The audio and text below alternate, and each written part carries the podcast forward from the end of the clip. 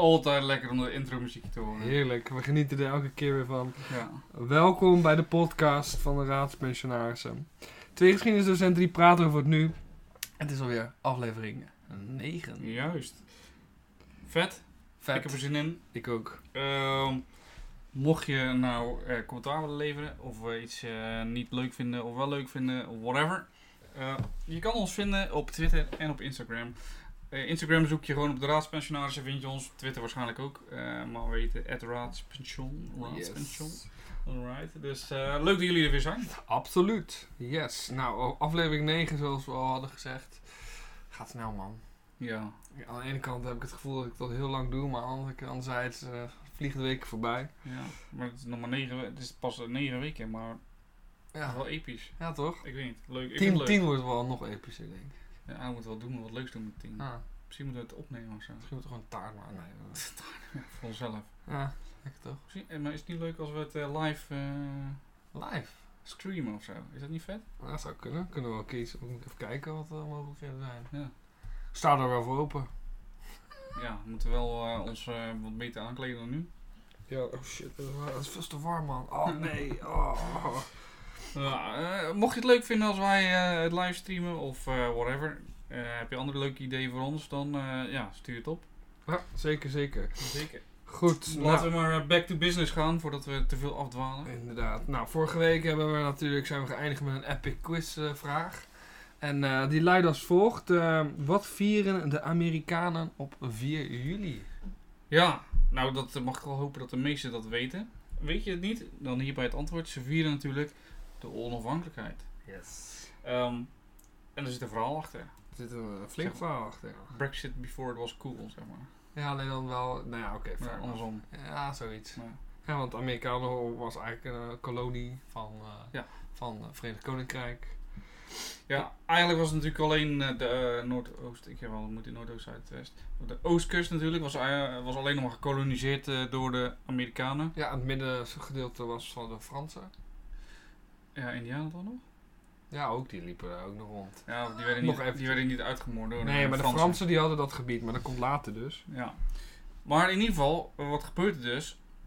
De Engelse, het Engelse parlement heeft eh, weer eens een keer een oorlog of iets dergelijks. En die eh, wil dus meer geld hebben van de Amerikaanse kolonies. En de Ameri- Amerikaanse kolonies die eh, zijn op zich niet onwelwillend tegen het betalen van belasting. Maar Die willen wat te zeggen. ja, ze willen wat te zeggen hebben. Logisch eigenlijk. Ja, absoluut. Ja, ze hebben geen vertegenwoordiging in het eh, parlement. En eh, ja, zodoende zijn ze daar een beetje op tegen. Willen ze dat eigenlijk wel? En eh, staat er al een beetje frictie. frictie. Nou, een beetje frictie, zeg maar behoorlijk frictie. Ja, op, uiteindelijk wel, ja. Zeker dat er, ja, de, de leuze wordt ook no taxation without representation. Ja, makes sense. Ja. Ja, er zijn een paar belangrijke gebeurtenissen. Ehm, zo heb je de Boston Tea Party. Ja, ik wou hem net ook noemen inderdaad. Dat is wel een van de bekendste, denk ik. Ja, Wanneer dus de, de, de Amerikanen dus eh, de thee in het water gooien. Waardoor ja, heel veel thee verloren gaat. En ja, de Engelsen, dat weten we allemaal, zijn gek op thee. Aan Earl Grey'tjes. Ja, dat gaat allemaal verloren. En in die tijd was het natuurlijk allemaal heel erg veel geld waard. heel veel geld. Ja. En eh, ja, ze waren, eigenlijk waren ze dat... eh, ja, het was eigenlijk een soort eh, act of defiance. Hè? Een soort, eh, nou bekijk maar je, met je minder prettige thee. ik wil iets anders zeggen, maar in ieder geval dat dus.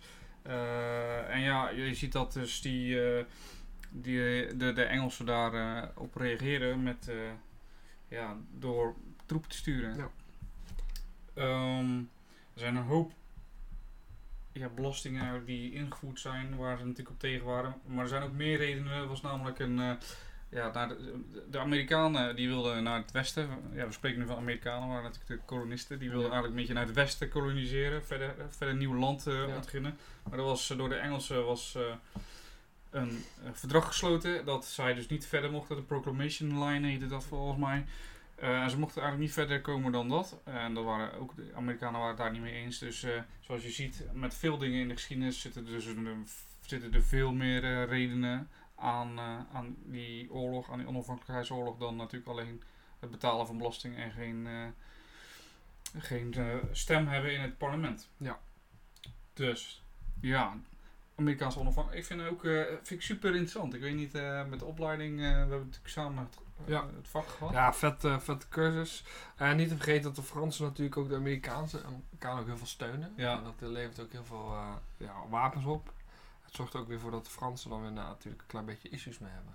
Ja. Die, eh, die verliezen daar veel geld van. En daar komen we later nog eh, ja, tegen, zal ik Ja. maar even zeggen. Ja, zeker. Ja, ja. Het is echt eh, interessant om te zien hoe die Fransen en die Britten elkaar eigenlijk het leven door de eeuwen heen zuur maken. Ja. Zelfs op het moment dat ze nog samen in de loopgraven liggen van, met de Eerste Wereldoorlog. Ja, bizar man. Ja. Dus ehm, ja, mooi. Leuk. Leuke onderwerp. Er is een film, The Patriot, Ja, gezien. Mel Gibson. Mel Gibson. Lang geleden. Echt lang geleden. Ja.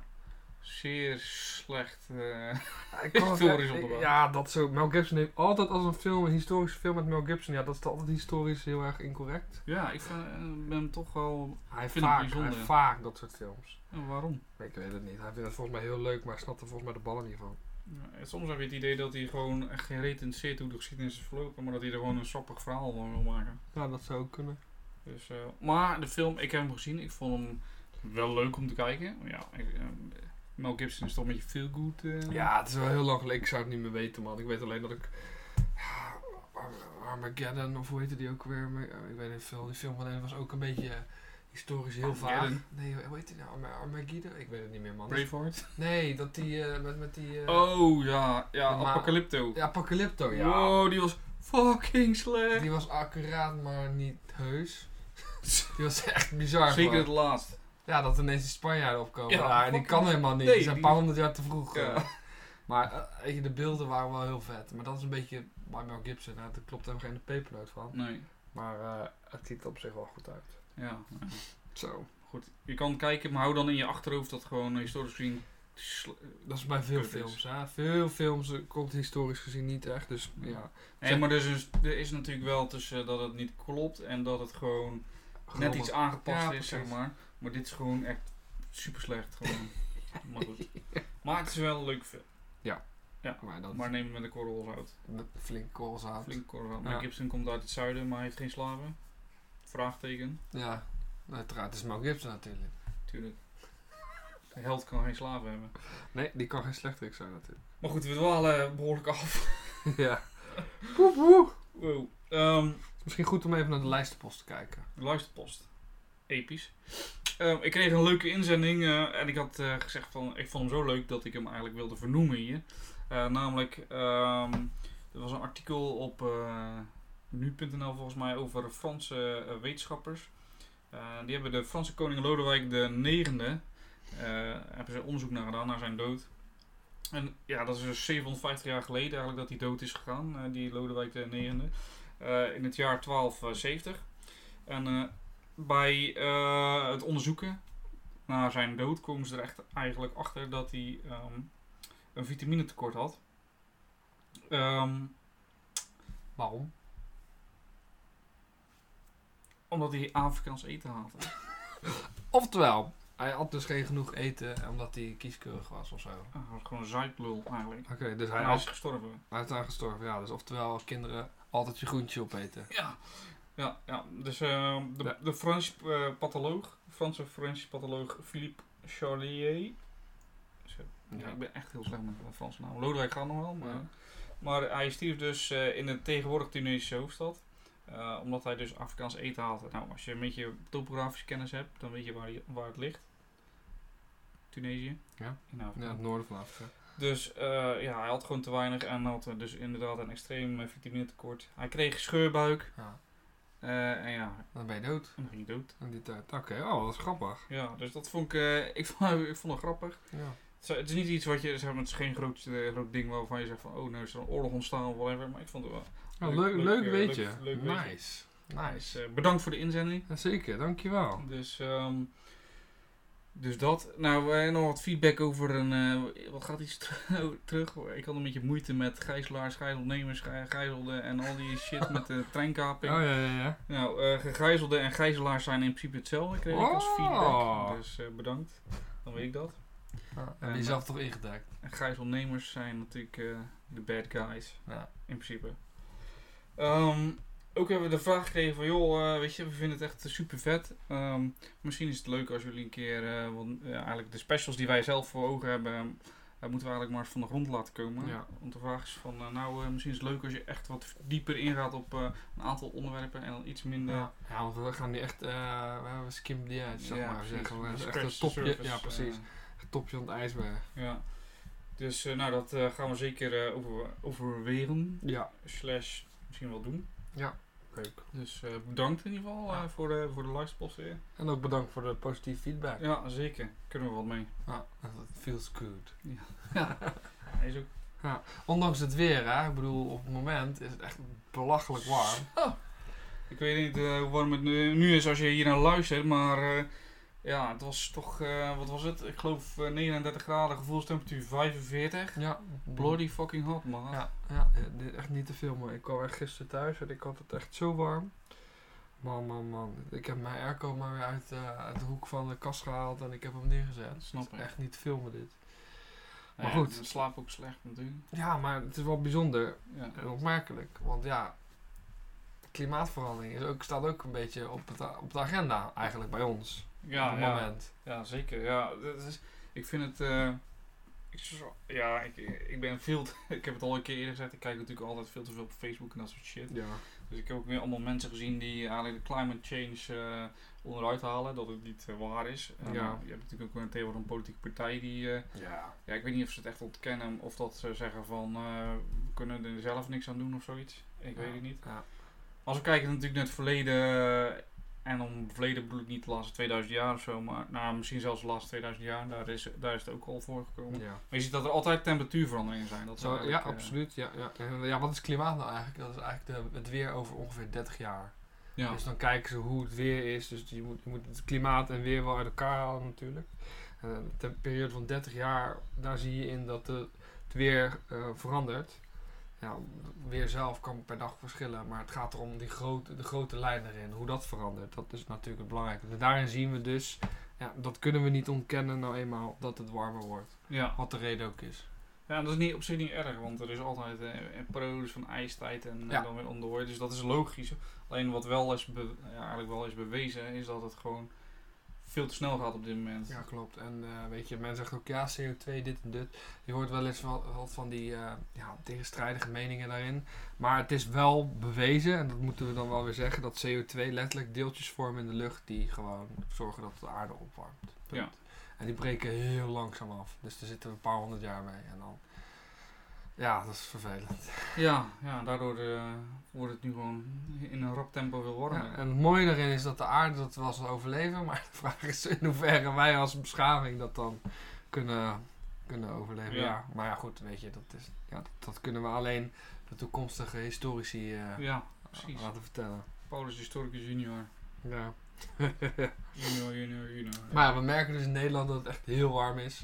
ja. Bijna on, ja, het is ongelooflijk warm dat het eigenlijk niet past bij het land zelf. En we zijn er ook eigenlijk helemaal niet op voorbereid. Dit soort warmte, dus dat merk je ook. Ja, ja. hoe is het volgend jaar? Hoe is het jaar daarna? Hoe is het over tien jaar? Ik heb het idee dat we elk jaar eh, gewoon nieuwe hitterecords vestigen. Dat is ook zo. Als je kijkt naar de regen, ik bedoel, vorige, was vorige week dat het zo knetterhard regen dat je, ja, Dat is toch niet zo gek? Dat is toch niet zo gek als het zo warm is? Al die, al, eh, die vochtdeeltjes Ja. die gaan de lucht in. Ja, die donderen het ook naar beneden. Ja, maar dat is niet iets wat we gewend zijn. Nee, dat is eigenlijk iets wat je vooral op het evenaar tegenkomt. Ja, Ja, dan denk aan het tropisch regenwoud, waar het zo warm is dat, en er zoveel begroeiing is dat het, het vocht elke keer Ja. naar boven vliegt door de hitte en dan weer naar beneden dondert. Ja, dat is hier niet gekend. nee.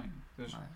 ja, klimaatverandering jongens, kijk er toch eh, kritisch naar. Eh, Ik bedoel, je hoeft niet te zeggen van, eh, je hoeft niet per se te zeggen van het is sowieso dit of dat of weet ik veel. Maar Ja. kijk wel naar, weet je, we zien de effecten zien we gewoon terug. Ja. Dus wees wel, eh, ja, je kan, ik vind niet dat je het super eh, kan, of ja, eigenlijk vind ik dat je het niet kan ontkennen. Ja, het is dus feitelijk is het of een feit dat er klimaatverandering is. En we weten een aantal oorzaken. En er zijn natuurlijk ook andere meningen van joh. Er is een verandering op komst, maar daar kunnen wij niks aan doen. Nou ja, dat mag misschien zo zijn. Al, alsnog moeten we iets eraan doen. Ja. Omdat we het niet op deze manier kunnen. Nou, overleven is misschien een groot woord, maar we zijn er niet op voorbereid. Misschien moeten we Genghis Khan terughalen. Die had zoveel mensen vermoord dat eh, gewoon de temperatuur op aarde 2 Serieus? graden gedaald was of zo. Twee graden? Ja, dat was echt een, was echt een aantal graden. Dat, ja. maar waarom niet? Dude, that's apocalyptic thoughts. Ja, best wel, Right there, ja. Nee, ja, maar dat is natuurlijk wel een gevolg van eh, de stijging van, het, van de bevolking. Maar goed. eh, Ook, ja. En ook, eh, dat is ook wel een grappig weetje. Daar kwam ik laatst achter toen ik een hetzelfde podcast luisterde van de Universiteit van Nederland. Dat is ook aan te raden om naar te luisteren. En daar was een, een spreker die had het over de, ook over de opwarming van de aarde. En het feit dat eigenlijk de poolkappen, die nu aan het smelten zijn, dat wanneer die weg zijn, niet alleen er meer water is, maar ook omdat het wit is, reflecteert het het zonlicht. Dus wanneer dat weg is, reflecteert het niet meer en het is, wordt het nog warmer. Holy crap. Dus dat, dat dacht ik van, oh ja, dat is waar ook. Een soort zelf eh Ja, dus het is- en eh, nou, Ja, dit is gewoon bizar toch? Want het is zo. Wit reflecteert nou eenmaal zonlicht. ja, Dus ja, als dat weg is, dan is dat ook weer een, graadje extra. Ja, heftig. Ja, toch? Ja, Ja. zeker. Nou, dan nu van de polkappen gaan we naar eh, een, een land. Wel voorbeeld, Oké, ja. Ik wil iets anders zeggen, maar... Bedankt gast. Ja. Eh, ja, Gaan we er de... wat een slechte brug is dit. Erdogan. Oké, eh, ja, ik probeer... wat eh Donnie probeert te zeggen is Erdogan. Erdogan, We gaan naar... We, er, er, We gaan daaraan.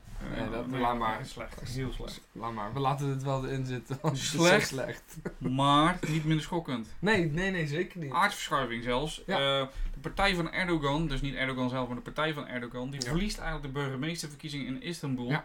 Voor de eerste keer sinds zijn eh, benoeming, geloof ik. Ja, en het bijzondere daaraan is niet zozeer dat hij dat, heeft, dat, hij dat verloren heeft. Ehm, nou ja, dat is natuurlijk wel bijzonder, maar eh, het belangrijke daaraan is dat eh, de burgemeester van Istanbul, die verkiezingen zijn vaak ook bepalend in de landelijke verkiezingen. Ja, Dus je ziet eigenlijk een soort verschuiving van Erdogans partij ja, naar de tegenstander. ja. Wat natuurlijk opmerkelijk is. En twee keer zelfs. Hè. Ze hebben één keer gezegd dat, dat er gefraudeerd werd. Hebben ze de stemming nog een keer gedaan. En nu blijkt toch dat eh, ja, de tegenpartij heeft gewonnen. Ja, dus dat is, eh, ik denk voor hem zelf ook wel een schok. Ja, dat denk ik wel. Ehm, Ergens eh, denk ik dat er ook wel een aantal Europese heren blij zijn. goed slapen vannacht. Zal ik maar even zeggen. Ja, ja, dat denk ik ook. Want Erdogan is nou niet per se pro-Europa. Nee. Ook niet tegen, maar ook niet pro. Ja, het is een beetje een lastig verhaal. Ehm, ja, de vrees is natuurlijk dat hij wat dictorale trekjes heeft. Eh, ik wil niet zeggen dat dat zo is, hè, dat, eh, maar ja, goed, weet je. Als je eh, mensen gevangen zet gebaseerd op hun journalistieke kunsten, zal ik maar even zeggen, ja, dan, dan kan je daar best wel de vingers getikt voor moeten worden, zou ik zeggen. En ja, dat heeft hij natuurlijk ook gedaan. Ja. Eh, en het is natuurlijk ook wel, het is ook gedeeltelijk EU-schuld. Ja, Ja, absoluut. ik bedoel, z- Turkije wilde toetreden tot de EU, maar moest daardoor hervormingen doen eigenlijk. Ja, Ehm, een van die dingen was volgens mij, als ik het goed herinner, dat eh, eh, toen Turkije ontstond vanuit het Ottomaanse Rijk, hebben ze een soort failsafe ingebouwd. Dat Ja. als eh, de, de leider van het land te dictator, di- dictatoriaal wordt. Mhm. Ik heb het is Ja. niet het woord. ik dat dan, te eh, kijken. ja, ja, ik zag je kijken. dan eh, kan het leger ingrijpen om ehm, af te zetten, zodat het volk gewoon aan de macht eh, blijft. Zeg maar. En dat was een dingetje dat wilde eigenlijk de Europese Unie niet. Ehm, nou, je ziet natuurlijk, we weten dat er een aantal jaar geleden, eh, 2015 uit mijn hoofd, een Ja. staatsgreep heeft plaatsgevonden door de helft van het Turkse leger. Dat is mislukt. Ehm, en dat heeft dus ook weer te maken met die hervorming die Erdogan zelf doorgevoerd heeft. Ja, Dus dat is best wel intrigerend eh, politiek spelletje wat daar is gebeurd. ja fascinerend. Eh, zeker ook, eh, ja, nu is het, het is nog vijf versus, is het echt geschiedenis. Ja, Ja, weten we nog niet. dat weten we nog niet, maar Dat valt te bezien. het wordt, houd het in de gaten. Ja. Wat we ook in de gaten houden trouwens. Ja, is de situatie omtrent de Verenigde Staten en Iran. Ja, fascinerend eh, schouwspel. Ehm, ja, Iran stelt dat eh, nieuwe financiële sancties van de VS eh, ja, de diplomatieke banden tussen de beide landen voorgoed onmogelijk maken. ja, heftig. Ja, Ehm, natuurlijk begonnen met eh, het nucleaire programma, geloof ik. Dat Amerika weer eh, zich trok heeft getrokken. eh, terug heeft ah, jij hebt het woord. Ja, ik heb het terug heeft getrokken. Ehm, en dat uiteindelijk Iran dat dus ook heeft gedaan. En dat dan de alarmbellen daar weer eigenlijk afgingen bij de VS. En zodoende dus een aantal eh, ja, ja, diplomatieke spanningen op eh, voet heb gezet. Ja. Ja, we, we houden het in de gaten. Ehm, ja, volgens het eh, rapport wilde Trump natuurlijk binnenvallen, Ja. Iran. En, ehm, maar hij heeft volgens eigen zeggen gezegd van nee, dat doen we niet. Want zijn generaal zouden gezegd hebben 150 Nee, man gaan ja. sterven of, zo. ik had gelezen dat, eh, ik weet, niet, ik weet ook niet of dit waar is, want er een, eh, een, ehm, een journalist of, een- of iemand van Fox News tegen hem had gezegd van joh, dat is geen goed idee dit. eh, in verband met zijn herverkiezingen, geloof ik. Ja, ik heb geen idee. Dat het geen goed idee was. Ja, toch wel. In ieder geval, volgens hemzelf, wat natuurlijk een zeer discutabele bron is. Absoluut. Je zou zeggen hij is zelf, dus hij is een betrouwbare bron. Maar bij Trump Maar is hem het is dat on, oh ja. Ja, dat is niet bekend. Zou hij gezegd hebben van... De generaal zeiden mij 150 man eh, gaan eh, sterven. eh, dat verschatten we in. En dan heeft hij gezegd dat is onproportioneel met een onbemande drone. Ja. Nou ja, dat, als is, dat is dan ook wel zo. Laten we het is onproportioneel, maar of hij dat echt op, op die manier besloten heeft, is dat vraag ik me ook af, inderdaad. Ik denk dat dat hem geadviseerd is. Ja, ik- nou ik denk wat jij net zegt met die reporter, dat dat misschien nog meer eh waarde is Ja, dan... omdat hij eh, dat meer gelooft dan zijn eigen... ja. ach, ja, oké. dus, eh, maar ja. En als je dan denkt van nou, valt allemaal wel mee met die Trump, dan... Ik weet niet of je dit... dit moest ik gewoon... Ja, ik, ja, ik hou niet van iemand bashen of zo, maar dit is echt gewoon niet... Ik vind het gewoon niet oké, gast. Dit is gewoon een leider van, van een fucking sterke natie. Ja, dat is niet te filmen dit. Amerikaanse president Donald Trump zou namelijk... eh, ont- eh, zou, hij zou een columniste verkracht hebben. In 19... Hoeveel van de 19... Eh, de, ne- de 90s geloof ja, ik. eh, lang geleden. Van, van het tijdschrift Elle. En eh, ja, nou goed, hij heeft al wel vaker... eh, is hij beschuldigd voor het verkrachten van vrouwen. Nou, nooit bewezen dan natuurlijk. Dat dan weer wel. Toevallig. Maar het mooie aan dit verhaal is, of in ieder geval het slechte aan dit verhaal is, Paul, dat was het volgende. Ehm, ja, hij heeft het ontkend. Niet vanwege dat het. Nou, misschien moet ik de opties. eh va- Zij heeft dit ontkend omdat hij A. het niet oké vindt om iemand te verkrachten tegen. eh, zeg Ja, maar, hè, seks tegen het middel. Of B. omdat het niet zijn type is.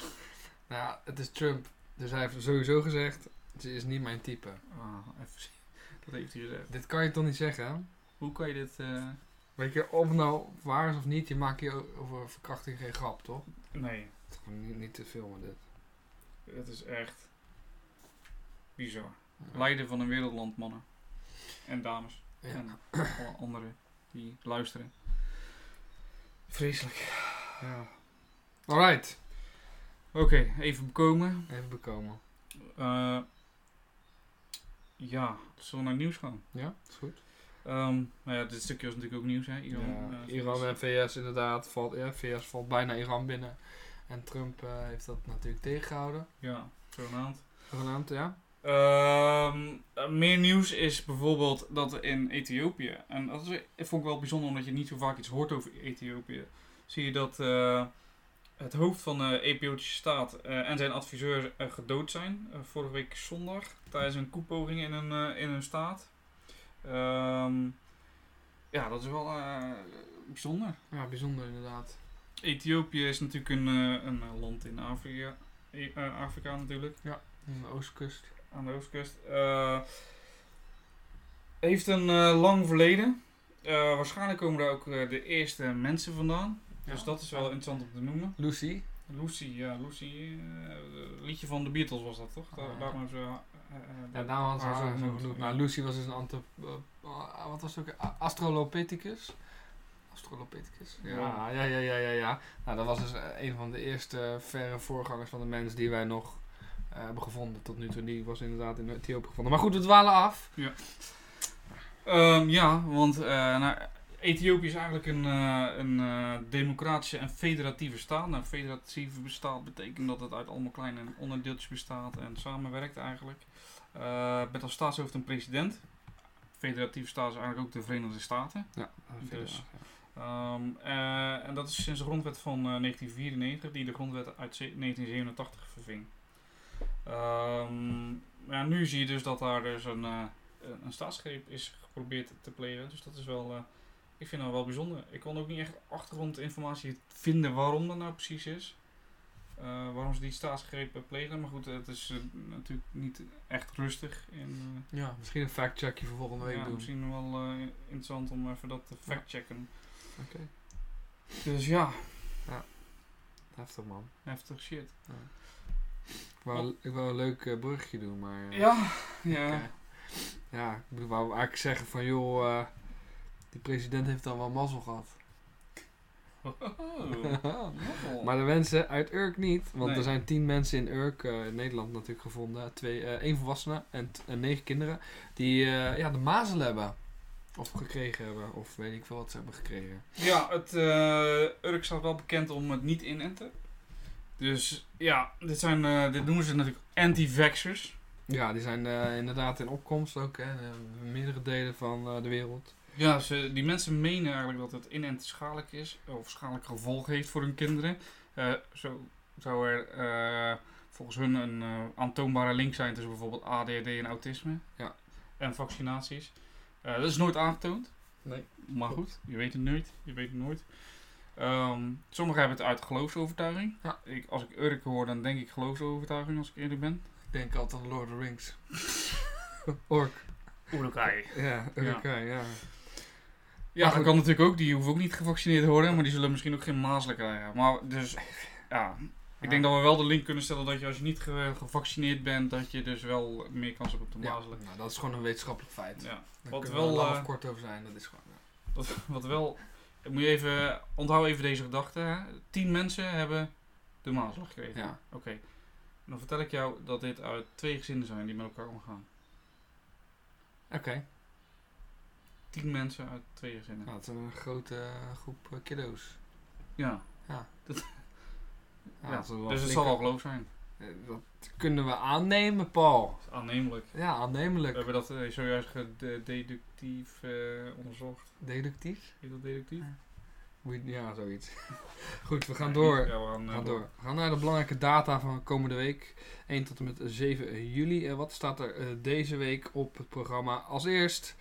Super interessant als we net eh, de anti-vaxxers hebben gehad. Oh, is dat erg? Oh, ja, ik sorry. vind het wel leuk eigenlijk. Evolutietheorie. Natuurlijke evolutie, jongens, daar gaat het om. Dus, Charles Darwin en Alfred Russel Wallace, eh, die, die produceren, wou ik zeggen, die eh, Publiceren. publiceren de evolutietheorie. En die wordt gepubliceerd eigenlijk door de eh, Society van Londen, Ja. de Lin. Linnaean Linnaean Society. Nou, het is een eh, heel fascinerend. Het is de eerste keer dat eigenlijk de evolutietheorie is eh, opgeschreven. Er waren al meer geleerden die daar ideeën over hadden. Ehm, maar Darwin was de eerste die echt dit heeft gepubliceerd. Ja, En natuurlijk met zijn tochten met de Beagle zijn we daar dus al wel achter gekomen dat ja, er zeker bewijs is voor de evolutietheorie. En dat is uiteindelijk ook ja, bewezen. overgenomen Ja. eigenlijk. Eh, Ja, wetenschappelijke theorie is natuurlijk anders dan een, een theorie, iets wat je denkt dat het zo is. Dus Ja, het eh, wo- wordt onderbouwd door eh, wetenschappelijke feiten. ja, dat is waar. Ja. Dus, Dus, vet. Evolutietheorie. Dat is bijzonder. Ja, bijzonder. Ja. Ehm, 3 juli 2001. Eh, de Verenigde Vergadering van de Staten-Generaal van het Koninkrijk der Nederlanden verleent toestemming voor het huwelijk van prins van Oranje met Maxima Zorregieta. Dit was nog een gedoe. Ik weet nog dat het een gedoe was. Want haar vader Ja, was vader een was belangrijke minister tijdens het, eh hoe heet dat bewind? eh, ik weet het niet meer. Ook, eh, Hij was in ieder geval een stoute jongen. fuck, hoe heet dat bewind nou? Dat Ik weet het niet meer. niet. Voor mij hebben we het nog een keer gehad trouwens. Eh, met de Falklandoorlog. Zou kunnen. Ja, ik weet niet meer. Maar goed, eh, het gaat er dus om vooral dat ze wel getrouwd zijn. En eh, ja, Maxima heeft stiekem toch wel de harten van de Nederlanders wel een beetje gestolen, denk ik. Ja, zeker. Ze is heel erg eh, ontarmd en ja, volgens mij doet ze het best wel aardig. Hij is een beetje dom. Dit is een beetje doen. Leuk, nee, ja, Ja. superleuk. Nou, Ehm, Volgende is eh 4 juli hebben we het eigenlijk al over Ja, gehad. Hè? De 4 juli, onafhankelijkheidsverklaring. 1776 is de uitroeping van de onafhankelijkheid van de Verenigde Staten. Eh, eh, met de aanname van de Amerikaanse onafhankelijkheidsverklaring door het National Congress. Laatste feitje over de Amerikaanse onafhankelijkheidsverklaring. Ja. Gebaseerd op. Ik eh, klop even op onze borst. Ja, dat is goed. Ja. Plakkaat van verlatingen. Zeker, gebaseerd op het plakkaat van verlatingen. Eigenlijk de Nederlandse vorm van de onafhankelijkheidsverklaring. Moet wel bijgezegd worden dat Nederland niet onafhankelijk wilde worden, maar een andere vorst zocht. Yes, dat is zeker waar. Ja, Ehm, want Philips II was gewoon een lul. ja, en ze wilden hem niet. Nee. Ehm, maar ze konden geen andere vorst vinden, dus hebben ze het maar uiteindelijk zelf gedaan. Eerste republiek. In de van wereld. de wereld. Ja. Heel mooi. Dat echt badass is. Ja, En het mooie was dat wij echt best wel heel erg succesvol waren. oh, dat kan je wel zeggen. Ja, we hebben het natuurlijk over de broeders de Wit gehad. Ja. Gouden eeuw. Onze helden natuurlijk. En eh, ja, onze republiek is natuurlijk een groot voorbeeld geweest ook voor de Verenigde Staten. Zeker. Dat staat voorop. Nederland steunde ook eh, de Verenigde Staten, wat ze Ja. uiteindelijk heeft eh, in de, voor mij de zesde eh, Nederlands-Engelse zeeoorlog heeft getrokken. Ja. Dus, maar goed, Ja. dat dus. ja, daar word je wel warm van. Daar word je het zeker warm van. En wat doe je als je warm hebt? Nou ja, dan doe je of een mankini aan. Maar in dit geval, in Ja. 1946, 5 juli, de bikini! Ja, die wordt geïntroduceerd. Ja. Best invention ever. Ja, I guess. Toch? Ja. I like to see bikinis. Ja, ja, ik bedoel, ik ben niet puur Nou ja, ja, wel een leuk beetje. Ik dacht dat hij wel eerder eh, zou worden uit... eh, ik dacht geen- later eigenlijk. Ja? Ja, ik dacht eigenlijk dat het meer eh, met eh ontzuiling en eh, eigenlijk Ja. de ontpreutsing van de maatschappij. Maar als ik kijk naar het jaartal, dan snap ik hem wel. Echt net na de Tweede Wereldoorlog, weet je wel. Een beetje Vrij- vrijdenken. ja, ja, ja. Ja, Amerikaan die eh, zeggen, joh. eh, oh, ja. ik heb wel zo'n beeld van vrouwen met echt zo'n heel vol dik pak aan, weet je wel. Ja. Mannen met zo'n rood-wit gestreepte Ja. eh, zwempak aan, weet je. Maar dat is dan natuurlijk wel dan rond eh, begin 20ste eeuw, of eh 20ste eeuw. Ja, begin 20ste eeuw. Ja, begin Zeg 20e ik eeuw het inderdaad. Ja. Dus, ehm Ja, 6 juli 1990. Eh, dan is het niet meer zo warm. ja. Of het wordt weer warm, hoe je het noemen wil. Dan verklaren namelijk de regeringsleiders van de NAVO in een tweedaagse top in Londen verklaren ze dat de Koude Oorlog voorbij is. ja, officieel voorbij is. Nou, dat is Ja. natuurlijk heel fascinerend om te zeggen, want het was echt een tijd van spanningen. Ja, En hij is weer terug, de Koude Oorlog. Ja. Hebben we Ja. vorige, ja- vorige week vastgesteld, toch? ja, ja, misschien. Wij moeten dat gewoon uitroepen en dan worden wij dadelijk gewoon Ja, de mannen we de historici die fout hebben uitgeroepen dat de Koude Oorlog weer is. Dan zie je zo'n tekening van twee van de gasten van Ja. aluminiumhoedjes op. nee, maar ja, goed, weet je. Er zijn, als je kijkt naar die ne- eh, 1990 en nu, dan zie je dat er nog steeds heel veel spanningen zijn tussen, eh, ja, ik wil zeggen Amerika, maar eigenlijk het westen en, en Rusland en het oosten. En er komen wat landen bij nu. Ja, het is nog steeds een hele spannende situatie. Ja. Dus, Ja. dat. Ehm, wat Dus. minder, ja, wat ook spannend was trouwens, dan moet het eh, wel spannend, was 7 juli 1996 wint Richard Krajcek als eerste Nederlander de finale van Wimbledon. Nou, dat is wel knap, man. Ja, en ik weet het nog. Ik ben verder niet zoveel van de, de tennis. Ik weet, ik kan van alles lullen over de, maar ik weet het niet. Tennisgeschiedenis, kut. eh, weet je niet. Eh, maar eh, ja, het is wel een historisch gebeurtenis. Ja. Ik kan me ook niet herinneren dat daarna nog een Nederlander dat heeft gedaan eigenlijk. Dat weet ik ook niet. Zijn dochter is nu wel, geloof ik, eh popiopie aan het worden weer. Aan het opkomen. Nou, ik, in ieder geval, het maakt niet uit. Vet, man. Ja. ja. Ehm, De volgende die weet ik nog heel goed. Daar ben ik ook heel erg van geschrokken. 7 juli 2005. Er waren aanslagen in Londen op het openbaar vervoer waarbij 56 mensen ja, dood zijn gegaan. Heftige ja, situatie. heftige eh, Ja, situatie. ik, inderdaad. eh, ik ben er echt heel erg van geschrokken, dat weet ik nog wel. Toen was het echt ook echt de tijd dat, eh, toen was natuurlijk Amerika in 2001 was aangevallen.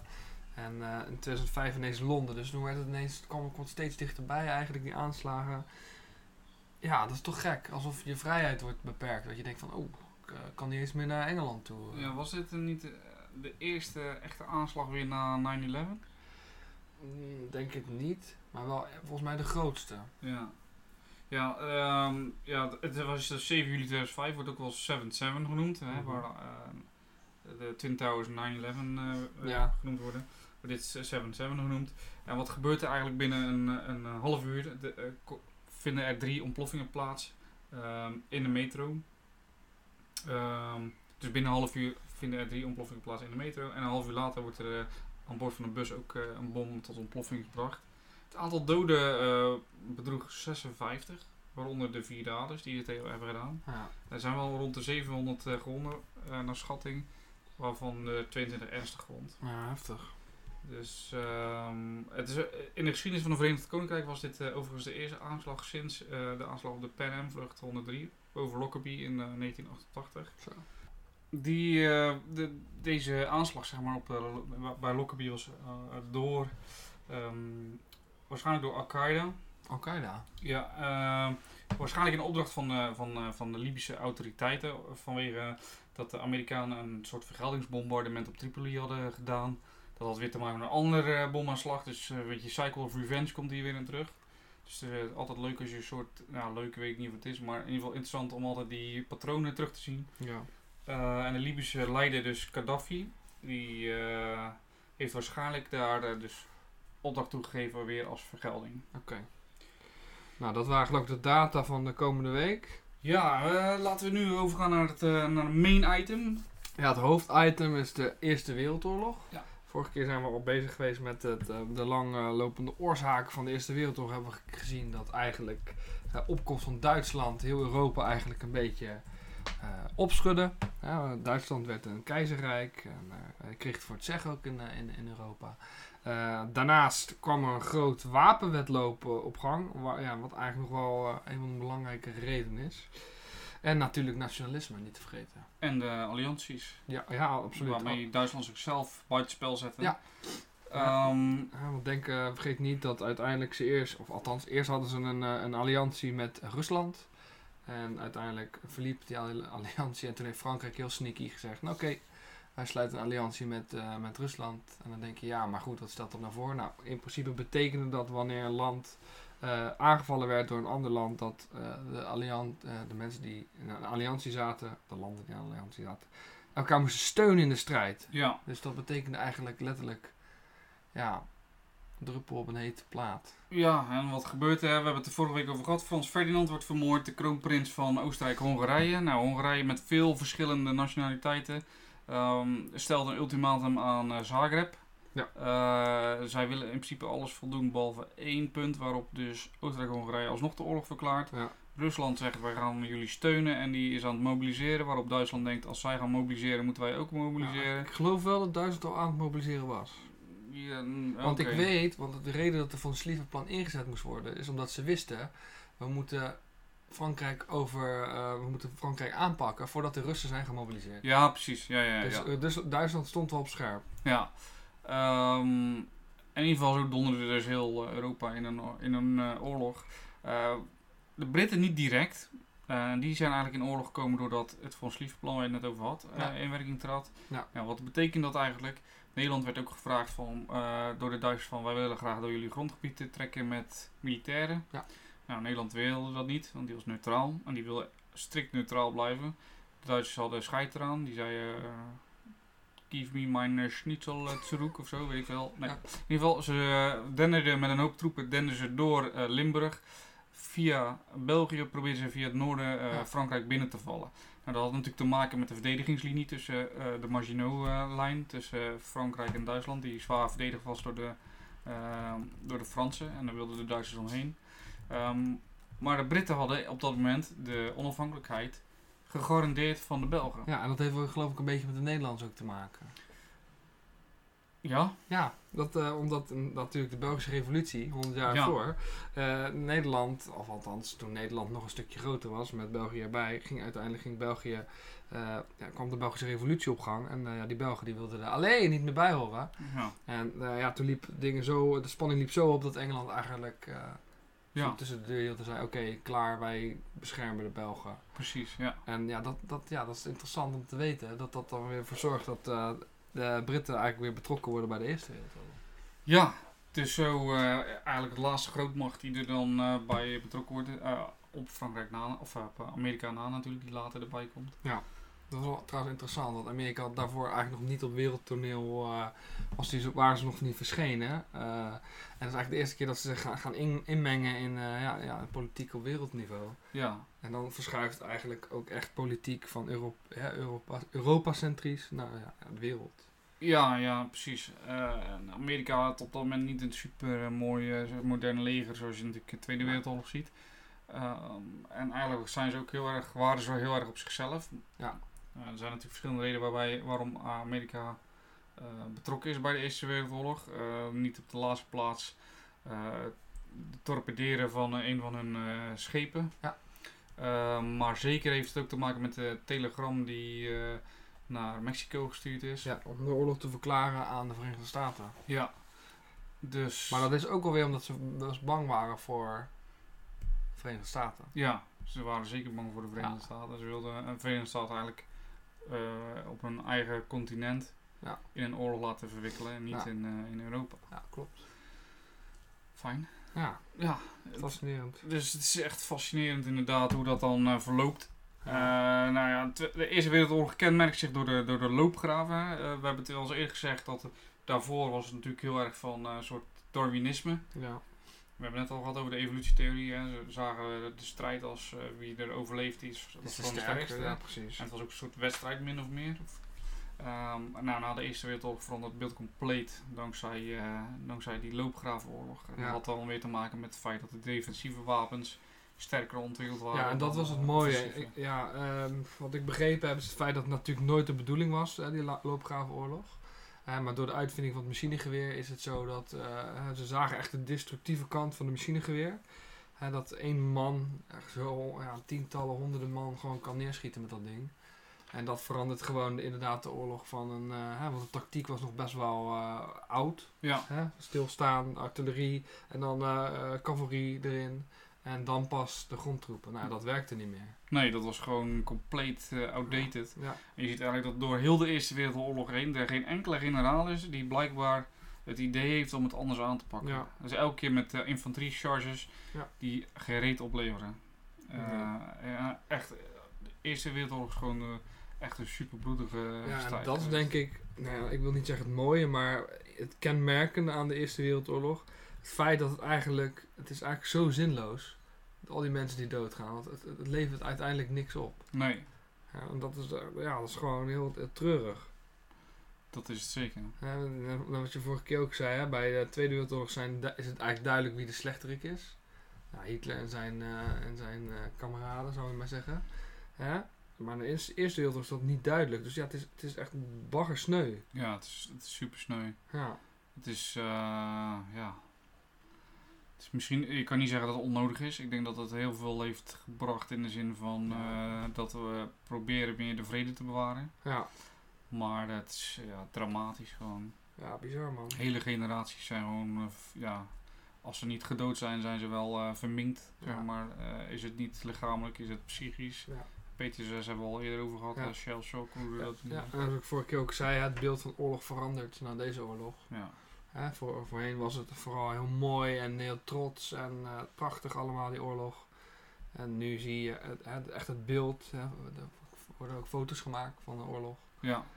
En het schijnt ja, zo bloedig te zijn dat men er echt inderdaad niet eh, boven komt. Nee. Laten we het nooit vergeten. Nee. Laten we het proberen te voorkomen. Ja. Ehm, ja. Zullen we het hierbij laten? Ja, ik had nog maar één leuk weetje, denk ik. Ehm, ook misschien voor de luisteraar. Ehm, ja, we weten dat de Duitsers als eerste gifgas gebruikten. En vlammenwerpers. Nou, dat was dus eigenlijk een, eh, dat was niet toegestaan uiteindelijk. Men was daarop tegen.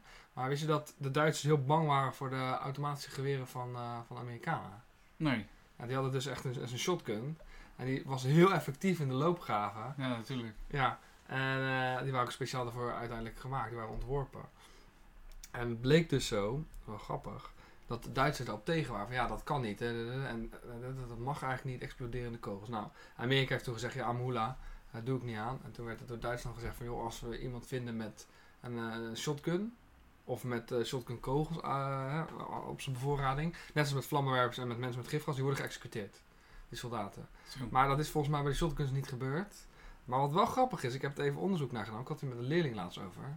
Eh, is dat, ik geloof ik in 1870 of 1880, ergens in die buurt, is dat uiteindelijk eh, exploderende kogels niet werden toegestaan in de oorlog. En shotgun is wel een exploderende kogel. Oh. Dus eigenlijk waren de Amerikanen toch een beetje fout. Hmm. Interessant. Ja, toch? Je wat ook een leuk feitje is? Vertel. Een eh, Britse soldaat had Hitler op de korrel. Ja, maar is dat echt een feit of is dat een... eh, het schijnt echt een feit te zijn dat eh, zo'n Britse soldaat die komt Hitler tegen. Hitler is eh, volgens mij door gifgas ja, geraakt of iets dergelijks. Hij is in ieder geval gewond, Hitler. En die Britse soldaat die heeft, die, ja, die, die pakt zijn geweer natuurlijk en die richt hem op Hitler. En die bedenkt zich, want ja, hij vindt het eigenlijk onethisch om een gewonde soldaat te, neer te schieten. ja. Nou, bizar hè? Ik heb nog een leuk weetje. Nou, vertel. Dus voor de vieze mensen onder ons. Wist je dat sperma werd gebruikt als onzichtbare inkt tijdens de Eerste Wereldoorlog? Oh, serieus? Ja. Dus ze schreven een brief met sperma. Oké. En op een of andere manier konden ze dat dan weer laten Ja, oplichten. Black Light. Ja, Ja. Oh, wauw. dus dat is fucking gross. Ze wel adviseerden wel een eh, verse lading, omdat eh, het anders ging stinken. Dat klinkt echt heel grappig. ja. Ja, heftig man. ja, dus Eerste Wereldoorlog. eh ja. Eh, ronden we het onderwerp meer, hiermee af of gaan we nog? Nou, een volgende keer gaan we nog eh, even hebben over, over de, wat er gebeurt met Rusland. Een, klein beetje verloop. Misschien weet je, en we, kunnen nog wat dingen vertellen over wat er echt gebeurt. Ja, slag van Ipe. En dan ronden we hem af. En dan het ver- verdrag van Versailles.